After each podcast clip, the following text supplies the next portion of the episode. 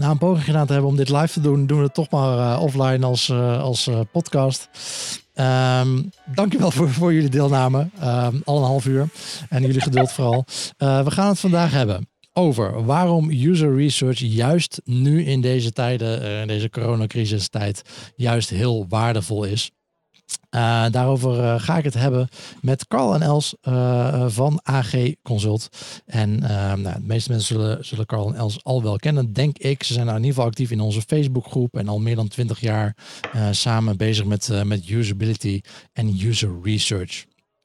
Ja, en de eerste vraag aan iedereen.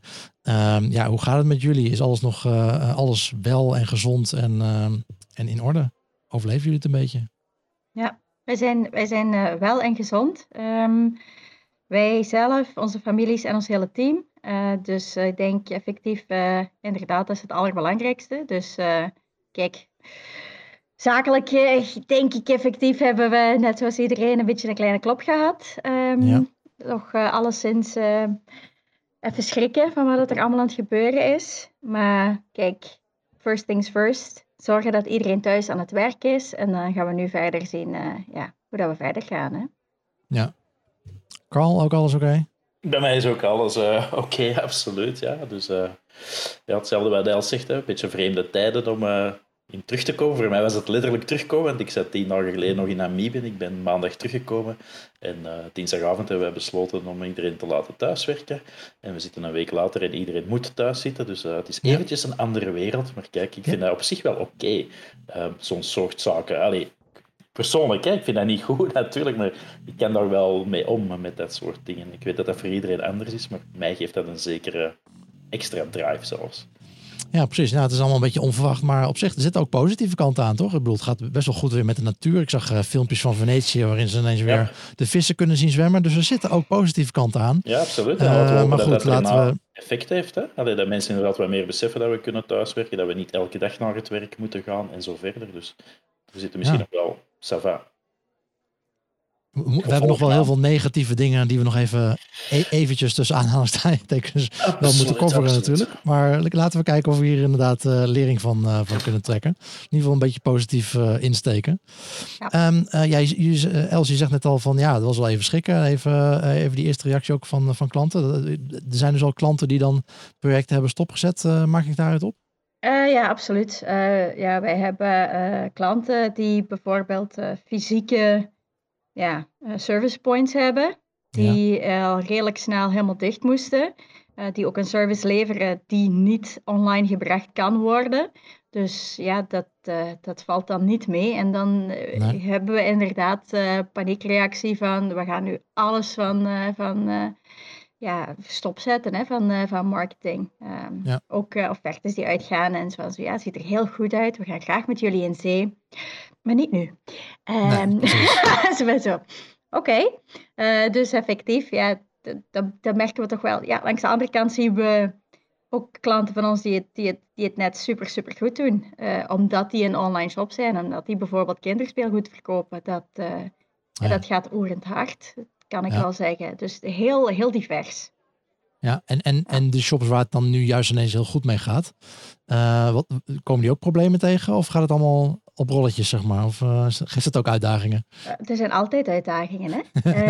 uh, dan, is, uh, dan is voorraad weer een uitdaging natuurlijk, hè? Ja. Um, en effectief kijken wat de dingen die anders zijn. De, de, de top, de, de, de best verkochte spullen zijn, zijn veranderd. Dus ehm, ja, en nu gaat het mooi weer worden. Dus er zit weer een verandering aan te komen.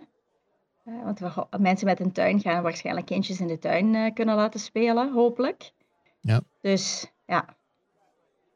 En zoals Karel zei, het zijn, het zijn andere tijden, maar daardoor misschien ook wel een beetje, ja, voor sommige organisaties heel, heel uitdagende tijden, eh, maar ook heel boeiende tijden. Ja, precies.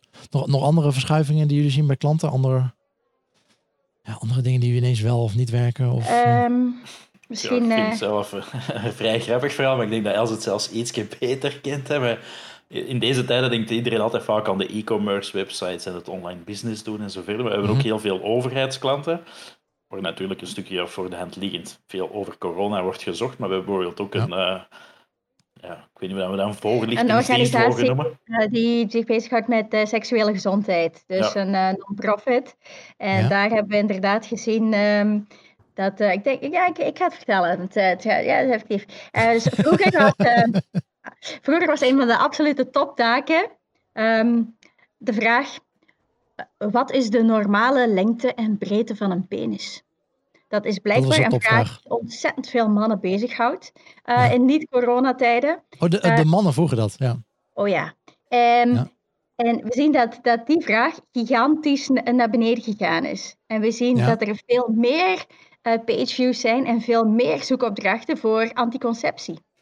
Ehm, Veel meer. Ja. Ja, dus- Maar we, mogen allemaal geen sociale contacten meer Ja, maar, hebben. ja, maar wel met je eigen partner, hè?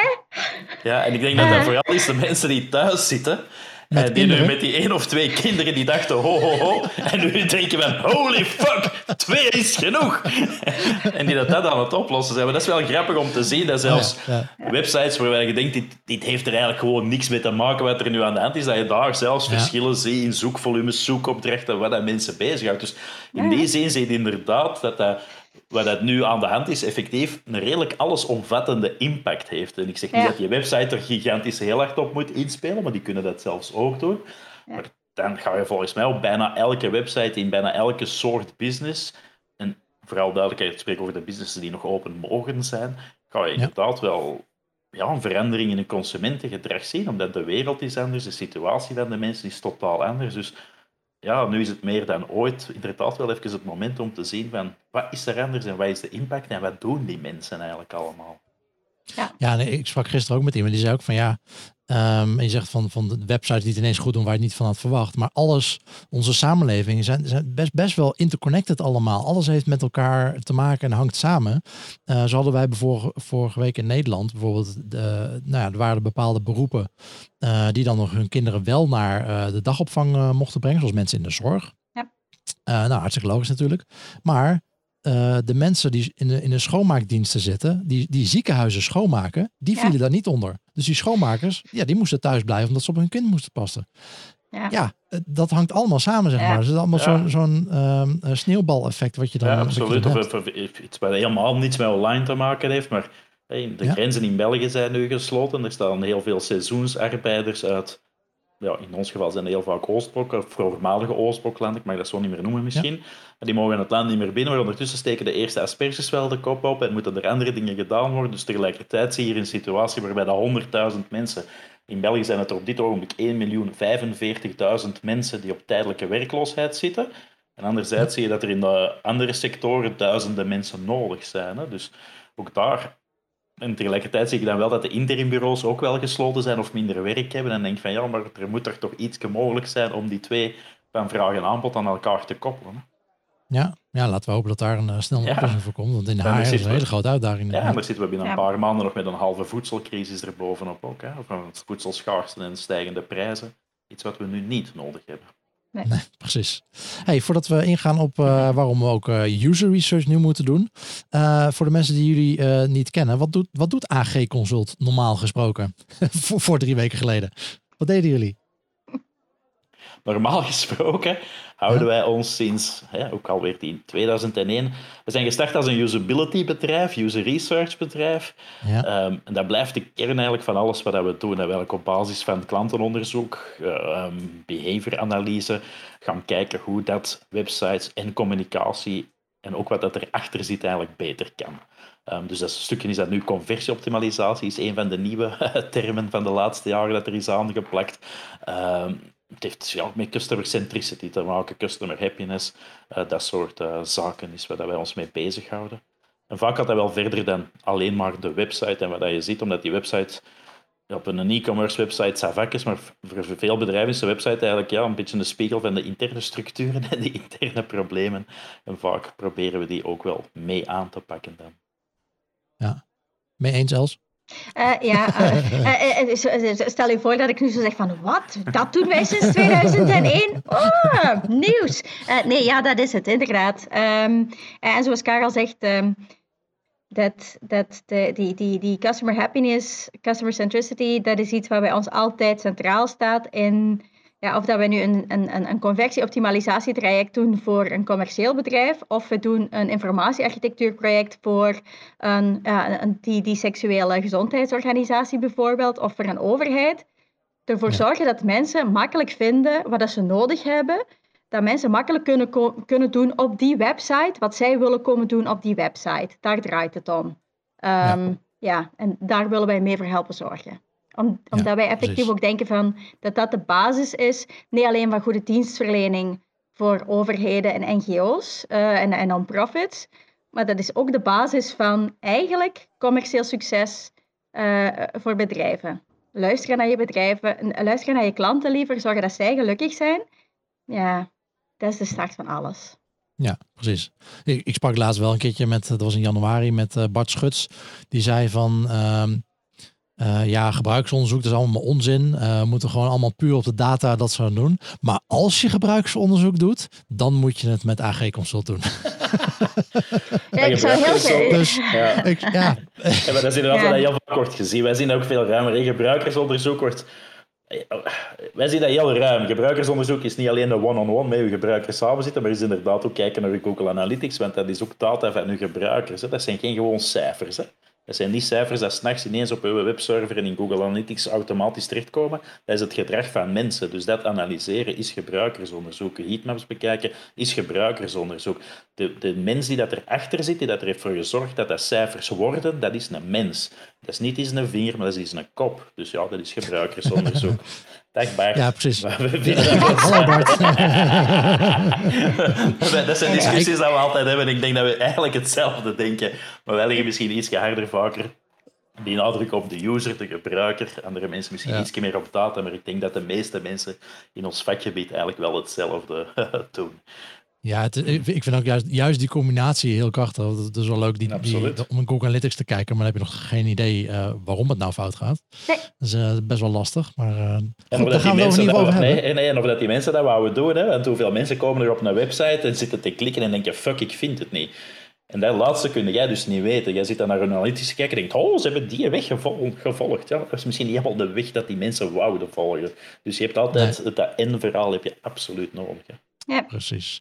Hey, en, en waarom moeten we juist nu, uh, nu er zoveel veranderingen plaatsvinden, waarom vinden jullie dat we juist nu uh, zo uh, ja, user research moeten gaan doen? Want ik denk dat een grote uitdaging is, dit, tenminste dat ik ook al terug las in de chat, is um, dat het, het lastige hiermee is dat, dat um, dingen zo snel veranderen nu. Het is ook een unieke situatie. Kijk, er zijn natuurlijk ook, uh, soms heb je soms pieken in het jaar. Dat, dat zullen veel e-commerce bedrijven uh, hebben. Het is kerst, of het is Black Friday, of Moederdag, Valentijnsdag. Dat zijn pieken.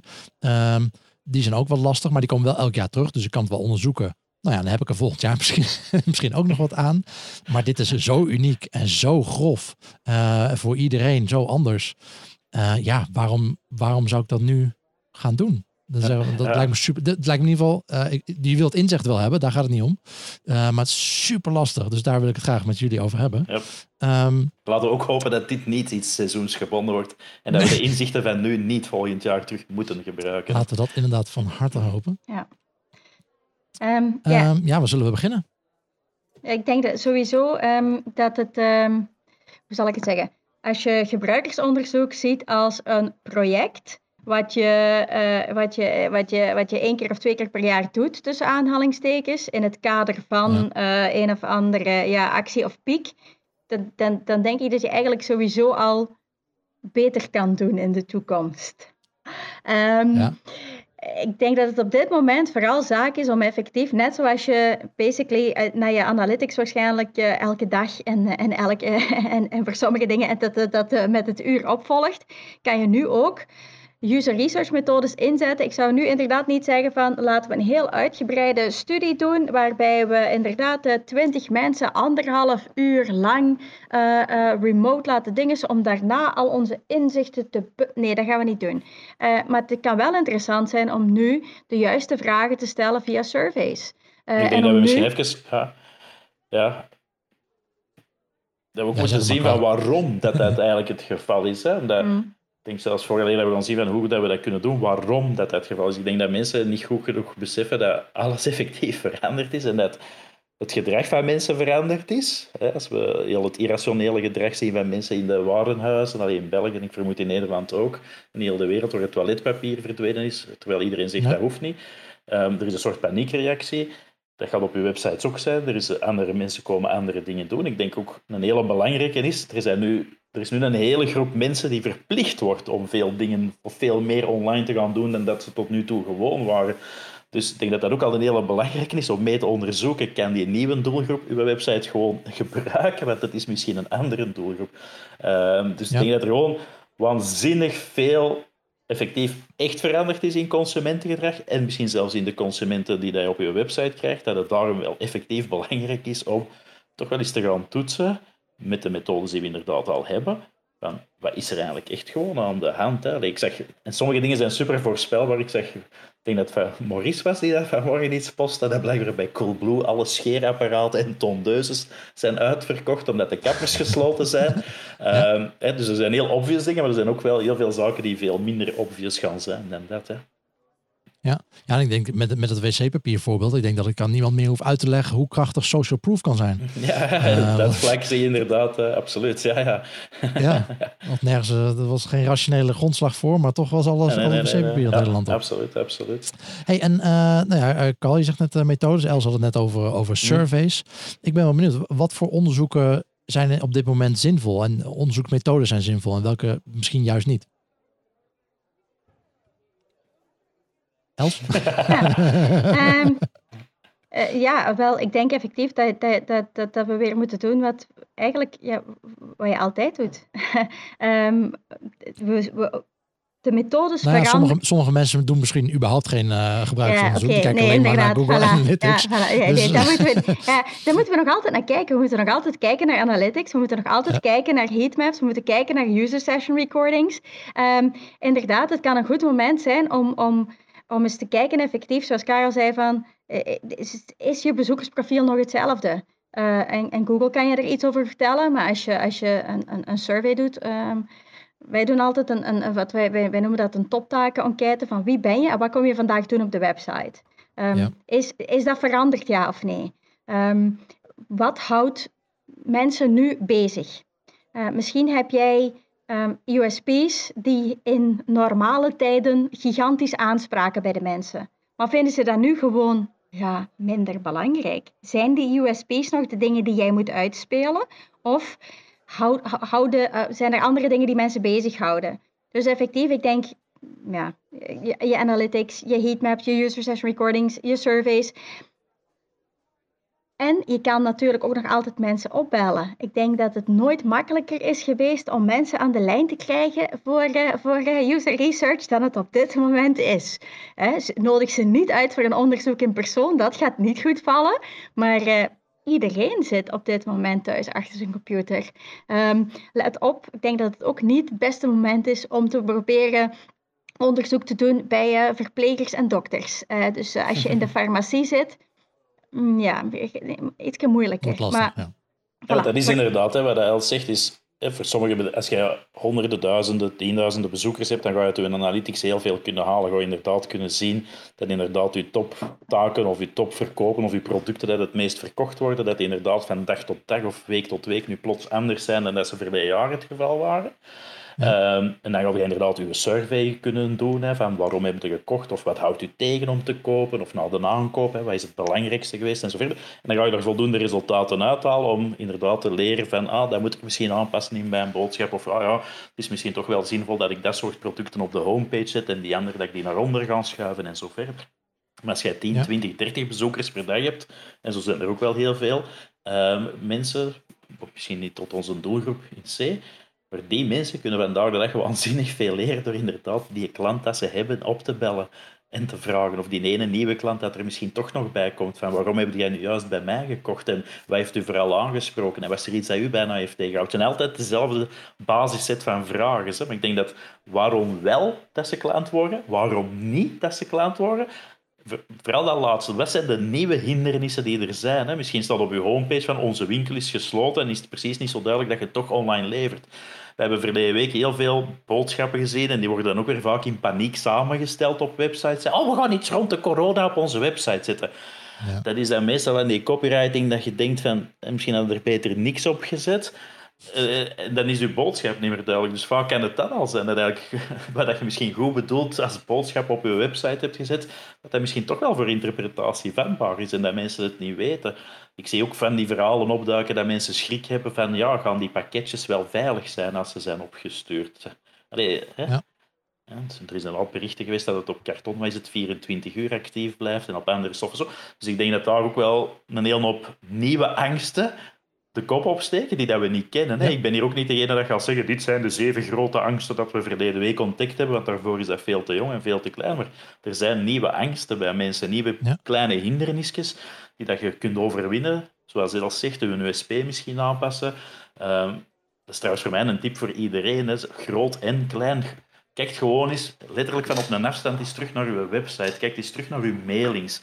Misschien zitten er wel boodschappen in die, die twee weken geleden nog hilarisch grappig waren, maar dat je nu denkt van, shit, dat is fout. Uh, dat, dat, kunnen kleine dingen zijn waardoor dat mensen zich half misschien geschoffeerd gaan voelen, die dat je gemakkelijk kunt gaan oplossen. Met user research zouden die er gemakkelijker uithouden, maar het zijn ook dat soort zaken die daar heel belangrijk zijn. Ja.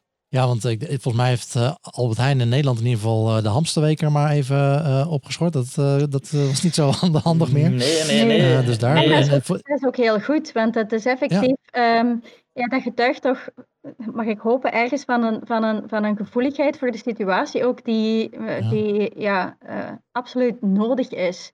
Um, ja, we, we, we, ja, wat echt niet kan, is nu inspelen op schaarste en angst. Uh, Dat is effectief, uh, ja, dat zijn psychologische principes die voor veel sites werken. Maar als dat hetgene is waar jij als bedrijf nu je geld mee wil verdienen, door in te spelen op wat dat mensen nu het allerbangst maakt, dan ben je heel slecht bezig.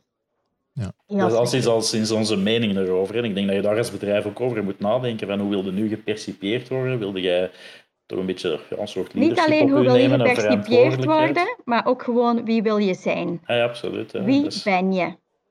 Ja, en ik vind dat... Ik, het zijn die dingen dat we soms ook wel zien opduiken. En ik snap dat... Eh, ik weet wel, in elke goede, een goede crisis creëert opportuniteiten. Dat is allemaal wel waar. Maar laten we er in deze omstandigheden misschien toch misschien iets relaxter mee omspringen en niet we gaan dit doen en dat doen. En ja, ik heb inderdaad mensen zien oproepen. Hè, van, ah ja, ja, misschien kunnen we inspelen op dat hamstergedrag en op die angst. En ik heb ook totaal foute reclames al zien passeren. Um, waarvan ik me echt afvraag van, really, is dat hoe dat je wilt doen? Veronderstel dat ze in Nederland uh, ook wel oproepen om met de kaart te betalen en minder met cash. Dat is in België ja. al sinds het geval. Ja. En ik zag vanmorgen twee reclames van die aanbieders van die uh, die effectief gewoon er letterlijk op inspelen. Hè. De overheid raadt aan om cash te betalen zelfs. En in België hebben we een hele bekende viroloog. En er is zelfs een lied over die mens gemaakt en elke dag op het nieuws is. Zelfs Mark van Rans raadt aan om niet met cash geld te betalen. Die mens heeft no way zijn goedkeuring gegeven voor die advertentie. Wij helpen jou mee om de coronavirus te bestrijden. En dan denk ik van... Ik snap de basis van de boodschap, ja, maar ja, precies. Daar zit toch wel grenzen kan, aan, hè? Ik kan me voorstellen dat, dat, dat voor sommige mensen de scheidslijn... want je wil ook wel open communiceren, bijvoorbeeld met, met uh, schaarste. Uh, je hebt gewoon schaarste waarschijnlijk. Dus op, je wil het ook wel communiceren. Maar, maar je moet het niet misbruiken, hè? Maar niet misbruiken. Dus het kan, kan, nou ja, ik kan me voorstellen ja. dat ook persoonlijk wel een, een, een, die, die lijn anders ligt voor andere mensen, zeg maar. Absoluut, hè? Dat is iedereen heeft zijn eigen ethische dingen en zo. Maar ik vind wel dat, ja, dat we er ook weer als beroep... En dan denk ik, Allee, dan hoop ik dat we als CRO-professionals er voor een groot deel hopelijk toch mee achter staan dat we niet willen dat onze klanten die vreemde deur-aan-deur verkopers worden, die allemaal hun volse trucjes toepassen, zodanig ja. dat ze, haha, ik heb toch het geld, Allee, daar gaat op lange termijn uw klanten dan ook weer niet mee helpen. En allee, ik hoop dat ja. dat de bedoeling is, dat we niet vandaag op morgen proberen meer te verkopen, maar dat we het komende jaar, de komende twee jaar, de komende tien jaar een bedrijf laten ja. bloeien. Dat, dat zeg je, maar ik kan me voorstellen dat ook heel veel bedrijven nu denken: shit, um, ja, uh, onze liquiditeit is nu wel een probleem. We moeten nu wel verkopen. Als we het nu niet doen, dan, dan over twee maanden dan zijn we er überhaupt niet meer. Ja. Dus uh, dat soort paniek, paniekacties krijg je dan wel natuurlijk. Ja, dat snap ik. Maar moet je daarvoor al je ethische principes overboord gooien? Ik, ik vind van niet. Uh, dus uh, hallo online casino's, je kan nog altijd niet bij ons terecht. hallo porno, jammer, je kan nog altijd niet bij ons terecht. Dus ja, dat... Hmm. Ja. commercieel zijn en effectief, je mag, je mag als je zo'n contactloze betalingen aanbiedt, mag je perfect zeggen van zo, kijk, uh, inderdaad, uh, contactloos betalen is, is uh, wij, wij zeggen het al een tijdje, contactloos betalen is de, is, is, is, is de toekomst, nu meer dan ooit. Wij kunnen jullie helpen. Je mag dat aanbieden, maar sleur daar die viroloog alsjeblieft niet bij. Zeg niet dat jij op de frontlinie staat om het virus te bestrijden. Ja. En onderzoek dat, hè? Allee, want we zijn inderdaad vandaag over ons onderwerp begonnen, we zijn misschien even afgeleid. Want er zijn wel methodes ook om dat te gaan onderzoeken, hè? die dat we klassiek gebruiken voor websites, online kliktesten, first impression testen, kunnen we eigenlijk ook gaan doen. Hè? Een 5 seconden test kun jij voor je advertenties gebruiken. Hè? Want ik snap, en enerzijds wil ook niet gewoon zeggen van, ja, koop ons betaalmiddelen. Je wilt misschien wel inspelen op de situatie, want ja, de wereld is anders. Maar schrijf je drie advertentietesten, doe een 5 seconden test en vraag dan mensen... Uh, welke dat hun, wat hun gedachten erbij zijn, wat hun gevoelens erbij zijn. En dan ga je op die manier, gebaseerd op een beetje onderzoek, wel weten van dit is the way to go en dit is degene die net over de, de, de grens aan het gaan is. Hè. Dus ik denk op dat vlak, als het over user research gaat, dat we al die methodes, die dat wij dan gebruiken, en ik hoop dat de meeste van de luisteraars die wel kennen, dat we die gewoon kunnen gaan toepassen. Hè. Wij, wij passen die methodes, een 5 seconden test, passen wij soms ook toe als het gaat over... Uh, we hebben dat ooit bij de Universiteit Gent gedaan, denk ik, als het over de layout ging, omdat ze daar intern vonden van, maar die layout dat je al voorstelt, dat is zo saai. En hebben we inderdaad gewoon de oude website, ons nieuw design dat we hadden, voorgelegd aan een groep, hebben we gevraagd wat voelde erbij, wat vinden erbij. En dan zie je van, oké, de mensen vinden het sober, maar wel super duidelijk. Dus oké, dat klopt. En op die manier kan je ook je advertentieteksten, kun je je beelden dat in deze tijd, je boodschap op de homepage dat in deze tijd, uh, wilt erop zetten, kan je die gaan testen. En het grote voordeel is dat je dan niet zoals bij een AB-test onze grote massa bezoekers nodig hebt. Maar als je daar een honderdtal respondenten hebt met zo'n first impression test, die effectief hebben meegedaan, dan ga je daar al wel dingen normaal gezien zien verschijnen dat je denkt van, haha, die richting of die boodschap die past nu beter aan bij hoe dat mijn klanten zich nu voelen. Want ook daar zullen verschillen zijn. Hè. Een merk dat al ja, bepaalde merken zullen zich misschien net iets meer kunnen permitteren, omdat ze al misschien een, een vrolijke stijl hebben en zo verder. Uh, andere serieuze merken zullen misschien nog meer, nog meer moeten oppassen dan anders. Uh, dus ja, daar zitten toch wel wat dingen in dat ik denk van het is nu toch wel een moment om uw boodschappen nog meer te gaan testen en niet af te wachten totdat er uh, mensen op Facebook u beginnen uit te schijten voor uw onverantwoordelijke aanpak. Want die advertenties heb ik, een aantal heb ik zelf niet gezien, maar zie ik gewoon op Facebook opduiken. Hè? Dat willen we misschien ook niet dat uw merk er wordt doorgesleurd. Hè? Nee, precies. Ja, en eh, van de hele ongelukkige campagnes ook die misschien nog aanstaan. Ja. Die nu, want volgens mij zag ik op, op jouw LinkedIn, uh, Carl, zag ik Dyson voorbij komen. Ja, dat is voor mij pure horror. Dat is gewoon, in normale tijden vind ik dat misschien ook al op het randje. Hè. Dat is een apparaat om lucht te zuiveren in de living. Uh, maar dat, dat reclamefilmpje, dat begon met eigenlijk iemand die niest. En dan zie je zo gezegd, hè, er wordt getekend het virus, hoe ver dat, dat gaat. En hoepla, die Dyson pakt dat uit de lucht. Wat dat nog pijnlijker was, en dat wil ik echt wel zeggen, en dan zitten we nog eens met een dubbele factor, is dat dat artikel uiteraard door een beetje artificiële intelligentie natuurlijk probeert op de juiste plaats te staan. Dat was net het artikel waar stond dat het de recorddag was in Italië van uh, 787 of 93 doden. En dan denk ik, dan heb je het als merk toch wel dubbel aan uw, in België zeggen we rekken, maar dan is dat, dat, dan zijn de fout bezig daar. Ik vind dat er ook een verantwoordelijkheid voor de kranten ligt. Ik vind ook dat er een verantwoordelijkheid ligt voor de agencies. Hè. Zet die advertenties stop. En ja, dat kost u wat geld, maar hebt waar respect voor de mensen, hebt respect voor uw klant, helpt die klant. En zo zijn er heel veel. Hè. Nutella is ook zo'n advertentie aan het doen van win een reis naar New York. En die zijn er, zich heel, er wordt heel veel over gepraat. Ja, maar ja, je kunt die reis ook binnen zes maanden doen, maar zet die campagne dan nu toch stop. Ja, maar die potten zijn gedrukt. En ik weet het, die potten staan in de winkel, maar doet er dan iets anders mee, verandert uw boodschap. Heel... Ah, ja, zo'n dingen kan daar niet zo goed bij. Dat is, dat, ik denk dat is de verantwoordelijkheid dat we allemaal hebben. Of dat je nu een CRO-agency bent of een digital agency. Maar mensen gebruiken wel een gezond verstand en probeert het allemaal zo goed mogelijk te doen. En helpt mee. ja. wees in de eerste plaats alsjeblieft een beetje mens, hadden jullie opgeschreven. Ja, dat is een, vinden wij een zeer belangrijke. Ja. Ja, precies. En je had het net over, over uh, die verschillende onderzoeksmethoden. Ja, AB-testen, dat is nu uh, gewoon eigenlijk niet te doen. En we hebben het in de, in de Facebookgroep in ieder geval vaker gehad over, ook over ja. uh, een hier, hierarchy of evidence, zeg maar. En nou ja, AB-testen staat daar heel erg hoog.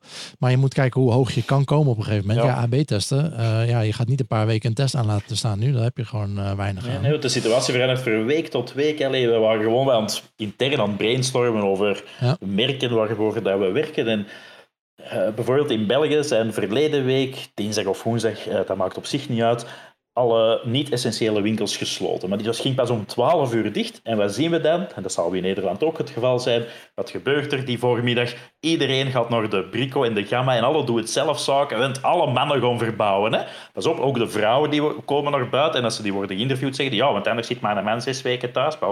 Hè? Dus iedereen gaat verbouwen. Wij hadden dat met de coffeeshops. Ja. Die werden, dat was volgens mij drie kwartier, drie kwartier van tevoren.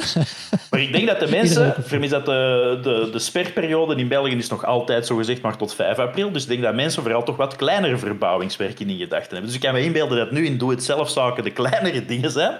Maar als er binnenkort een maatregel komt, zoals bij jullie, tot 1 juni mogen we niet gaan feesten en in België zal het ook wel verlengd worden, dat mensen denken, oké, nu ga ik misschien toch eens dat tuinhuis installeren of ga ik misschien toch eens heel mijn omheining doen. Dus zelfs ja, elke business gaat gewoon naarmate dat dit vordert andere dingen krijgen. Die mensen dat verleden week hè, in die speelgoedwinkel waar we over spraken, waar dat we inderdaad een gigantische stijging zagen van allerlei gezelschapsspellen en bordspellen die ouders gaan en die kinderen gaan na een week dat ook beu zijn. En misschien gaan er dan weer andere dingen gezocht moeten worden. Hier is een puzzel met 17 miljoen stukjes. Uh, maar ik weet het niet. maar, maar er gaan gewoon dingen keihard veranderen. En vandaar dat je je analytics in toog moet houden. De vraag van klanten, wat kom je doen op onze website? Dat je dat constant moet gaan doen. Niemand weet dit gewoon. En, maar zouden jullie dan tips hebben om... Kijk, dingen veranderen heel snel nu. Uh, waardoor dus kan zijn dat de inzichten die ik vandaag opdoe, morgen niet meer van toepassing zijn. Nou is dat misschien wel heel snel, maar dat, dat kan snel gaan nu. Ja. Uh, dus, nou Els, wat, wat zou je tip zijn voor mensen die dat, die dat dan wel willen doen, maar een beetje met de handen in het haar zitten van ja, uh, hoe zorg ik er wel voor dat ik daar wat aan blijf hebben? het is eigenlijk net zoals je naar je analytics kijkt en je daar heel snel op kan inspelen, kan je met, met alle gratis survey tools, kan je heel snel ook gewoon, je kan die vraag ook anders gaan stellen. Uh, je moet gewoon die antwoorden zien binnenkomen. Je, je, net als, als, als bij de data van je analytics moet je nu die data van je survey gewoon snel verwerken, snel op inspelen en opnieuw gewoon effectief kijken van werkt dit, werkt dit niet? Um, weten mensen nog... Misschien soms zoeken mensen... ja. Ja, misschien zoeken mensen over, uh, over drie dagen niet meer specifiek naar een product, maar zoeken ze hoe kan ik mijn kind meer dan één uur zoet houden. Misschien is het dan, ik weet niet, ik heb geen kinderen, dus ik weet niet wat, wat ze gaan zeggen, maar misschien is dat dan de moment om. Um, dat, dat, dat je je eigen expertise moet gaan, uh, gaan bovenhalen als, uh, als zaak om te zeggen van zo, hm, uh, mensen zitten met handen in het haar en dit zijn blijkbaar speel, speelgoed dingen die dat ze niet kennen, want die tikken ze niet in in onze zoekfunctie, die komen niet naar voren in analytics, maar eigenlijk zijn dit dingen waarvan wij weten, ah, inderdaad, kinderen van anderhalf tot vier um, langer dan, een, dan 30 minuten zoet houden zonder dat je er zelf bij bent, dit zijn onze toppers, dit zijn onze aanraders.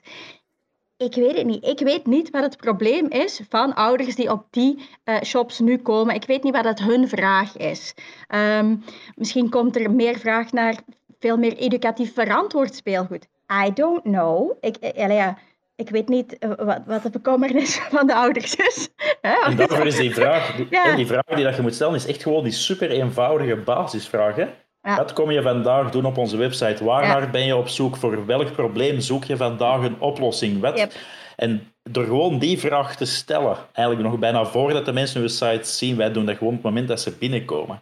Hè? Uh, dan ga je dat zien. En, en, wij zetten er ook nog bij, wees zo specifiek mogelijk, omdat je anders ziet informatie zoeken. Een oplossing voor mijn kinderen. Maar als je zegt, wees zo specifiek mogelijk, ja. doe je precies zo'n klein kliksje die mensen hun hoofd dat ze toch een uitlegje gaan schrijven.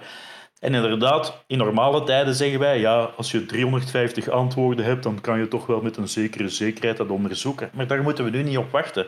Als jij dat s'avonds ziet en je ziet 15 dezelfde soorten vragen, dan kun jij morgen, nee, dat hoop ik dat de mensen dat dan kunnen, en wij in onze metier kunnen het allemaal, je homepage aanpassen. Kun jij misschien inderdaad vijf categorieën zetten. Hè? Wat doen met kinderen van 1 tot 4? Wat doen als je kinderen hebt van twee verschillende generatietjes, om die te laten samenspelen? En dat je zelf tips gaat geven om de mensen te helpen. Ik denk dat daar... Ja. Ja, voor mij geldt altijd hetzelfde. Hè? Wat dat je website moet doen, is wat je in een klassieke winkel zou doen.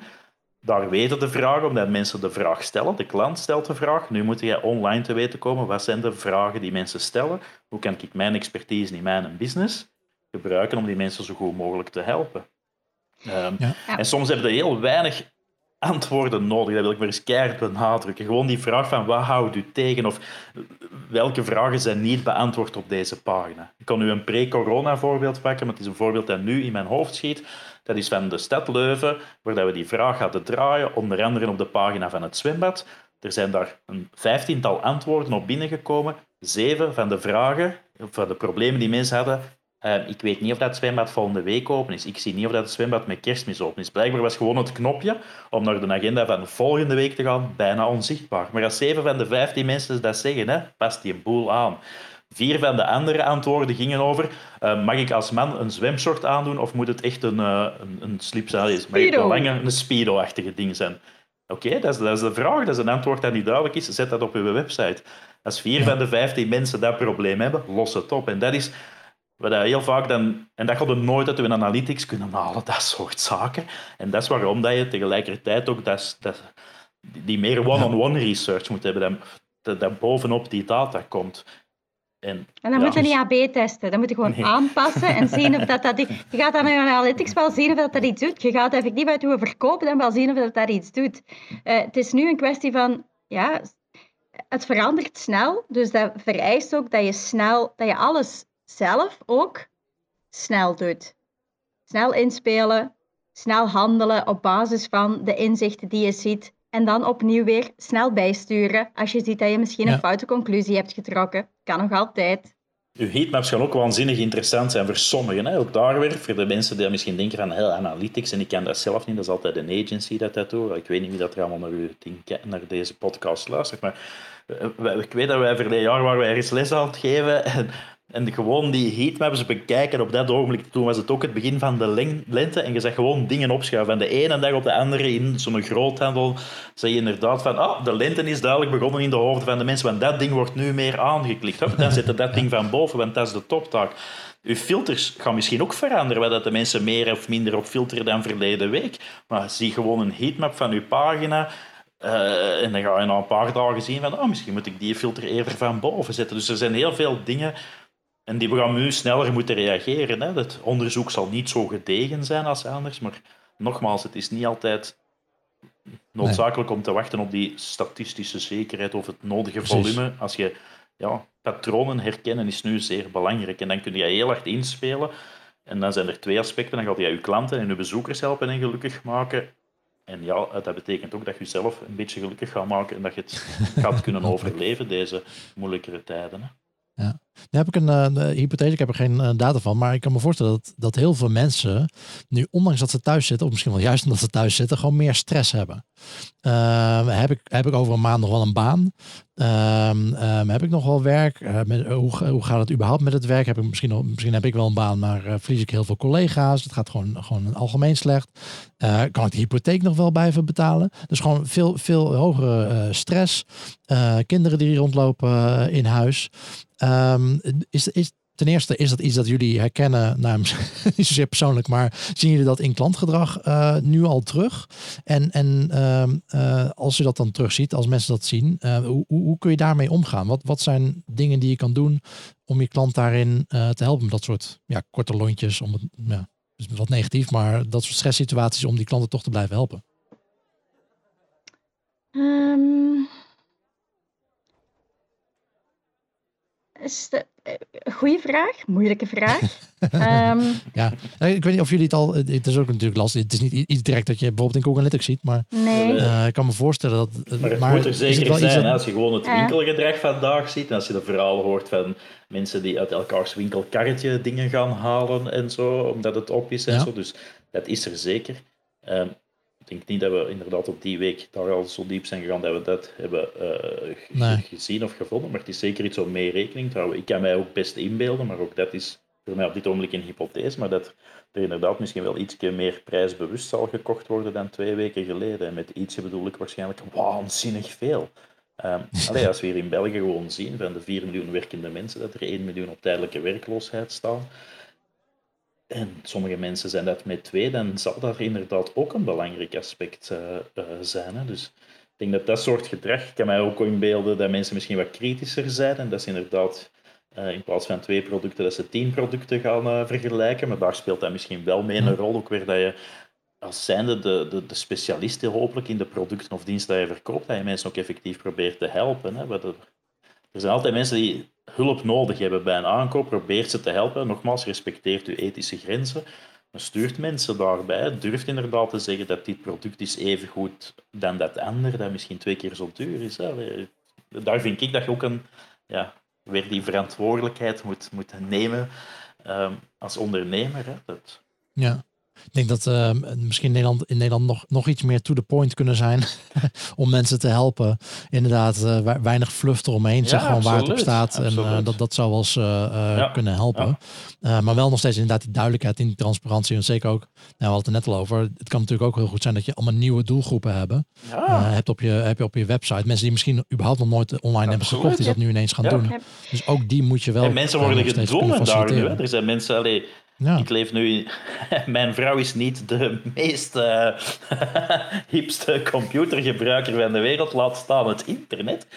Uh, maar zo zijn er gezinnen waar dat de twee personen dat eigenlijk nog nooit altijd hebben moeten gebruiken, maar die staan nu ook voor de gesloten speelgoedwinkel met hun drie kinderen in huis. Die staan. Uh, ja, dat, dat begint goed weer te worden. Hun tuin moet gesnoeid worden. Hè. Er zijn veel mhm. mensen die nog nooit een snoeischaar online hebben gekocht. Dat denk ik dat ik zelfs nog niet heb gedaan.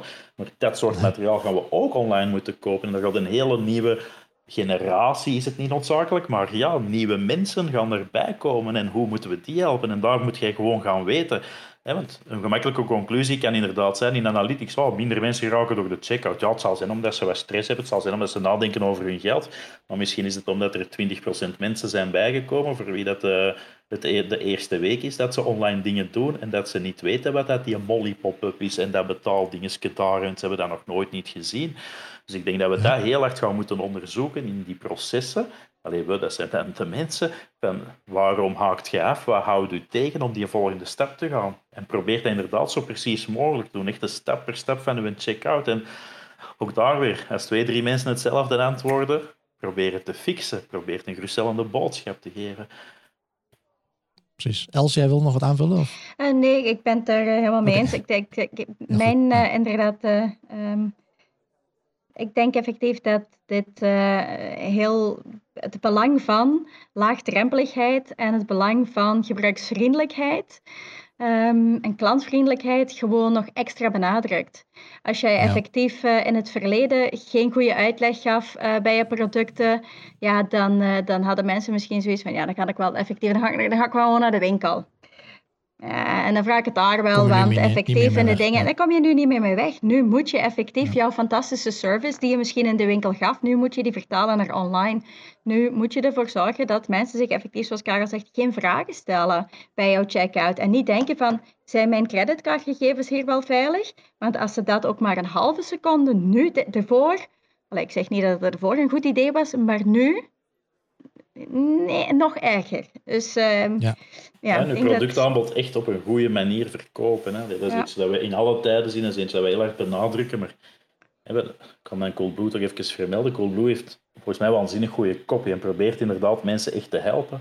Maar op heel veel webwinkels is het eigenlijk gewoon van, ik kan nu ook gewoon verder over dat gras, uw tuin, grasmachines. Dan is het gewoon, hier zijn onze 20 grasmachines, prettige dag nog.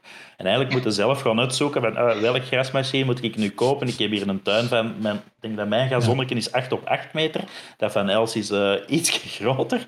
Um, dus we hebben twee verschillende behoeftes, maar daar gaan mensen ons mee moeten helpen. Allee, mij toch, want ik ken niks van grasmachines. Wij en ik heb een wilde tuin, dus ik heb geen grasmachine nodig. Nee. nee, maar dat is gewoon... Dus ik denk dat daar ook heel veel dingen zijn gewoon die, die ja, op alle soorten pagina's de hele tijd laten lopen. Waar houdt u tegen? Uh, ik weet niet welk... Ja, ik weet niet of dat product A beter is dan product B. Ah, shit, dan weet je dat je en je hebt nu tijd, allez, sorry dat ik het zo zeg, maar veel mensen gaan nu een beetje tijd hebben om misschien betere teksten te schrijven, je teksten meer af te stemmen op de klanten, vragen van de klanten en zo verder. Dus uh, ik denk ook, ja. en dat is dan een klein beetje van, in tijden van crisis kun je de crisis overwinnen, dan denk ik inderdaad, maakt je website nu beter, speelt in op wat je vandaag ziet als veranderde situatie. Maar mensen die nu niet weten welk soort grasmachine ze moeten kiezen, die gaan dat binnen zes maanden ook niet weten. En die hadden dat zes maanden geleden ook niet geweten, maar je gaat nu misschien terug ontdekken. Als je meer user research doet, binnen zes maanden heb je grasmachine niet meer nodig, zeker. Maar bon, binnen drie maanden als we terug buiten mogen. En dan, bij sommige dingen gaan nu wel voor de rest van je leven, is lang gezegd, maar gaan nu helpen gewoon. En ja, ik denk dat daarom wel eens een schonere moment is, een belangrijker moment. Want ik vermoed dat heel veel mensen als we drie, twee maanden hebben thuisgezeten of drie maanden hebben thuisgezeten, het kan zijn dat we de eerste weken aan vol naar buiten gaan gaan, maar ik denk dat het misschien ook wel iets gaat veranderen bij die mensen, hè, die nu ontdekken van, ah, dat online, dat valt precies toch beter mee dan dat ik dacht. Uh, dus ja, doe er iets aan, doe zoveel mogelijk ja, het zou best Voor, uh, het zou best voor permanente verandering kunnen zorgen in het gedrag. Zo'n lange crisis, dat is uh, uniek. Hè? Allee, uniek, ik bedoel in die zin, dat hebben we nog nooit niet meegemaakt, dus niemand kan dat op zich voorspellen. Maar... Nee, precies. Nou ja, ik denk dat hier al hele waardevolle uh, tips tussen zitten. En ik denk dat uh, hopelijk is het wel duidelijk voor iedereen dat inderdaad user usability testen en user testen nu toch wel uh, nog steeds user research. ontzettend van belang is. en user, ja, user research in het algemeen. en, en soms zelfs van levensbelang kan zijn. Yep. Um, het laatste dingetje waar, waar, ik nog even kort met jullie over wil hebben. Jullie hebben, zijn een initiatief gestart. 2020, actie2020.be. Yep.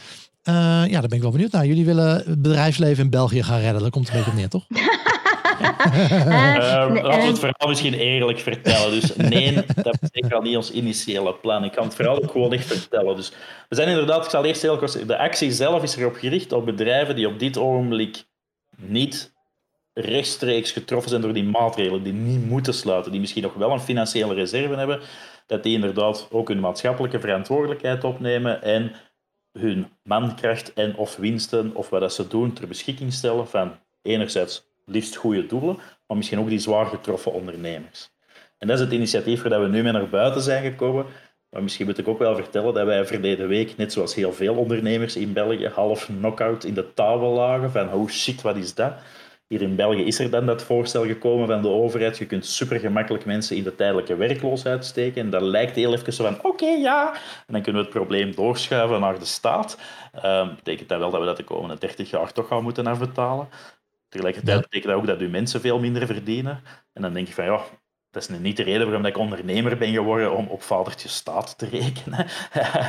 en we moeten onze verantwoordelijkheid opnemen. Dus we hebben inderdaad dan zelf besloten, Els en ik, om 20% van de tijd van onze mensen, dus dat is voor iedereen één werkdag in de week, te besteden aan het helpen van goede doelen die het nodig hebben. En twee, bovenop, de 20% omzet dat we de komende maanden halen, dat we die ook nog wegschenken aan goede doelen. En toen was dat ineens 2020 en dan zei oh, dat is ook het jaartal, actie 2020. En toen dachten we wel, we gaan dat open trekken. Er moeten nog zo'n bedrijven zijn. En er zijn er veel zo. Hè. Ik denk in Nederland ook. Dat haalt dan hier iets minder het nieuws. Maar in België zijn er effectief uh, lingeriemerken die hun naaisters hebben ingezet om mondmaskers te naaien. Er zijn uh, bierbrouwerijen die omgeschakeld zijn naar het produceren van medische alcohol. Dus er zijn waanzinnig veel initiatieven. Um, maar, goed dat we niet in het jaar 80-80 leven. een probleempje gehad. Maar dus in die zin hebben we inderdaad gisteren onze website uh, gelanceerd, actie2020.be, waar dat bedrijven en goede doelen zich kunnen aanmelden. En wat dat daar ook een hele interessante is, ik weet dat ik lang aan het babbelen ben, uh, maar ik had gisteren al twee of drie goede doelen aan de lijn die zeggen van, wij hangen ook in de touwen, want wat wij doen is eigenlijk menselijke contacten verzorgen. Ik had iemand aan de lijn van Armentekort in Antwerpen, waar dat ze eigenlijk uh, ja, daklozen eigenlijk een soort buddy geven. Maar ja, die een dakloze en die een buddy mogen eigenlijk niet samenkomen. Dus wat is de oplossing voor die organisatie? Um, ik had iemand aan de lijn die dat hulp verzorgen in Afrika, waar er eigenlijk in staan voor uh, het opvoeden, als we dat zo mogen zeggen, van de dokters in ziekenhuizen daar, maar hun personeel zit nu natuurlijk vast aan de crisis hier. Ze mogen niet meer vliegen, maar de crisis komt eraan in Afrika. Dus hoe gaan zij er nu voor zorgen dat die vijf ziekenhuizen dat ze daar doen, dat die kunnen werken? Dus op dat vlak zijn er ook gigantische problemen daar. En dan denk ik dat die mensen misschien wel mensen uit onze soort sectoren nodig hebben. Dat zijn wij die allemaal aan de toetsenbordjes zitten te tokkelen en misschien niet zo goed zijn in handgels produceren en naaimaskertjes produceren. Maar dat wij die ook toch een beetje met innovatie bezig zijn, of toch voor vele bedrijven onder ons is een gerelateerd domein, dat wij ook daar die goede tools kunnen helpen. En ik vind, ja, als er één moment is om te tonen van dat mens zijn en uw verantwoordelijkheid opnemen als bedrijf, nogmaals, zolang het kan en als het niet de gezondheid schaadt, doe het dan. Potverdekken. Ja. Precies. Wil je nou wat toevoegen, Els? God, nee.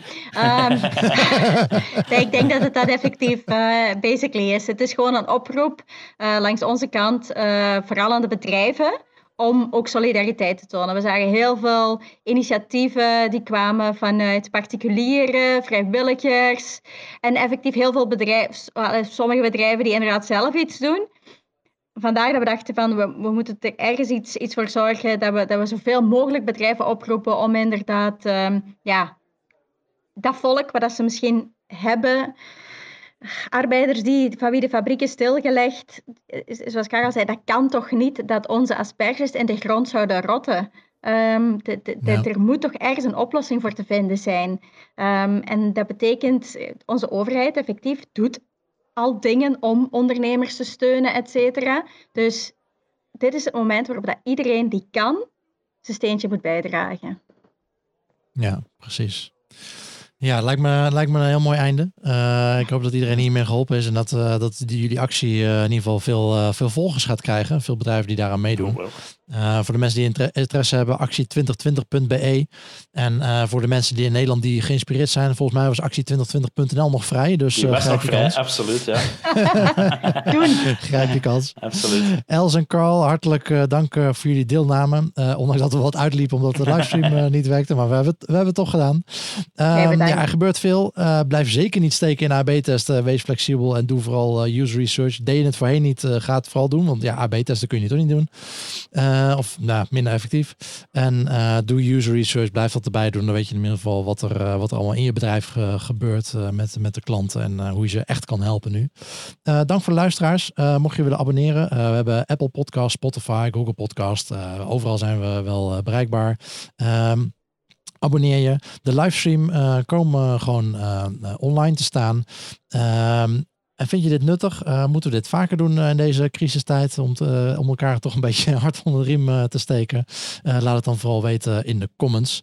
Volgende week praat ik met Marieke Schulte, Data Science Consultant bij Digital Power, in een gewone aflevering weer. En we hebben het dan, ehm, nou niet over corona, maar we hebben het wel over het inzetten van data voor maatschappelijke vraagstukken aan de hand van een klantcase. Tot dan. Ik zou zeggen, blijf gezond. En always be optimizing. Bye bye. Cheers. Whee.